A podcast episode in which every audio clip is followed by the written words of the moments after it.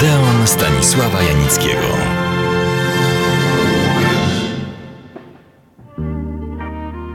Kontynuuję dziś moje spotkania z mistrzem z racji pięknego jubileuszu Andrzeja Wajdy.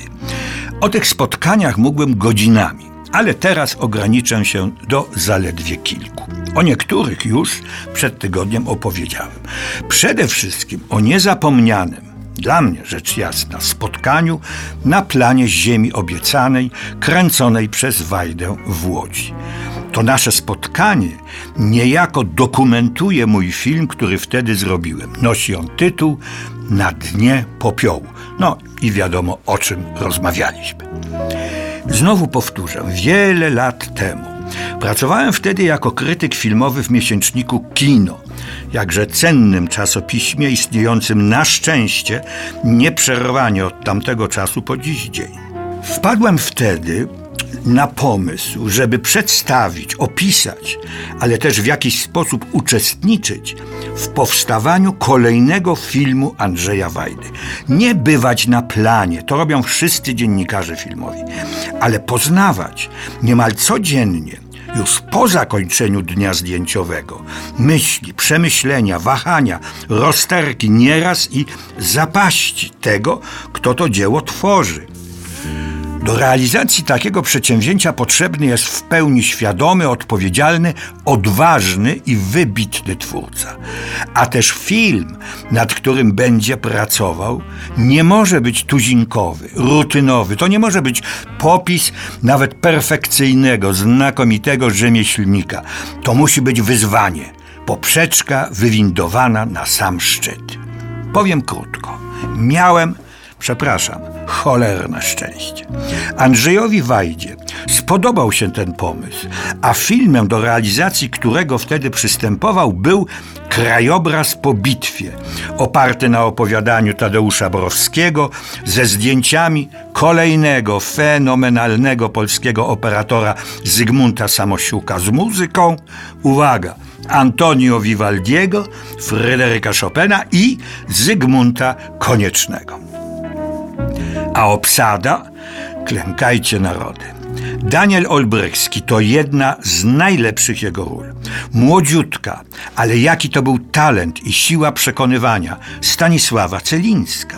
Dalej, Aleksander Bardini, reprezentant nie tylko dawnego świata, ale i tego oszałamiającego, skupionego, niemal hipnotyzującego stylu gry, już wówczas jakby z minionego czasu. No i szarża młodego pokolenia. Tadeusz Janczar, Zygmunt Malanowicz, Mieczysław Sztor, Stefan Friedman, Jerzy Zelnik, Małgorzata Braunek. Oddzielne miejsce zajmuje w tym gronie Leszek Drogosz.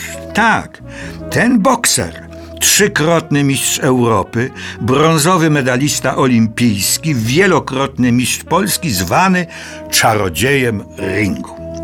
I tak, co kilka dni, czasami dzień po dniu, Andrzej Wajda przyjeżdżał po zdjęciach do mnie. Racławicka 33, mieszkania 7 na Mokotowie.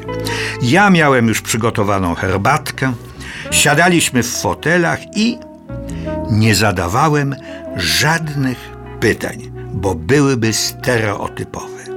Widziałem, jak powoli spływa po nim ten dzień niezłej charówki jak dochodzi do siebie i po chwili zaczynał mówić.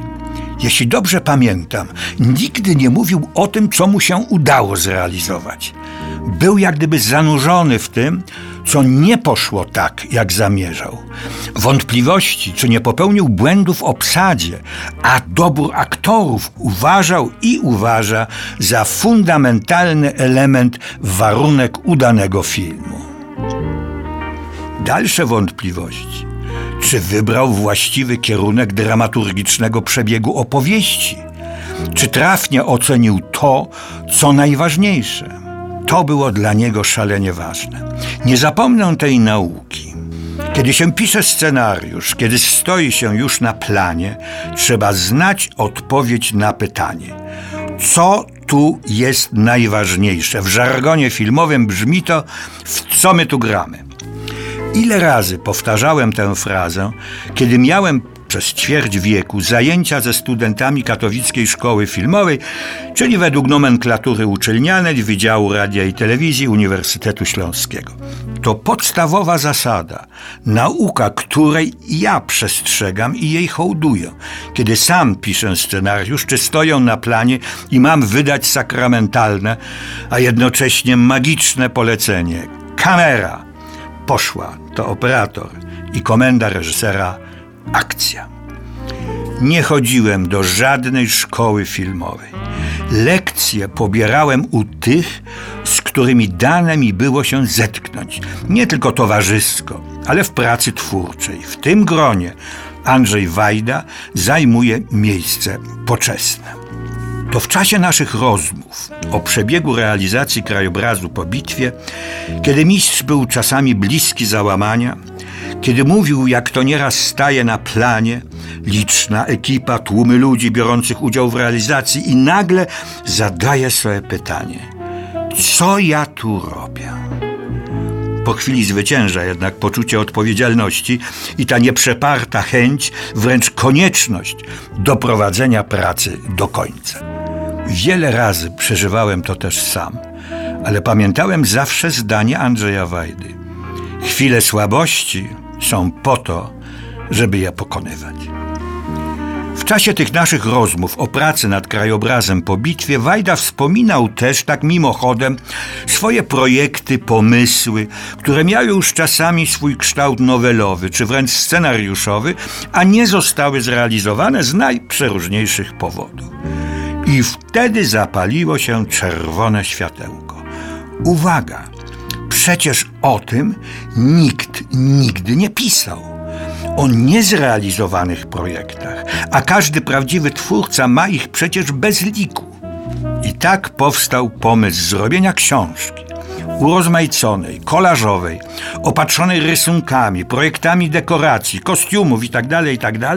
w wykonaniu mistrza, wszak ma ewidentny talent plastyczny. Co się z tym naszym zdaniem kapitalnym pomysłem stało, opowiem za tydzień. Będzie to opowieść w stylu chińskim, słodko-gorzka. Serdecznie zapraszam.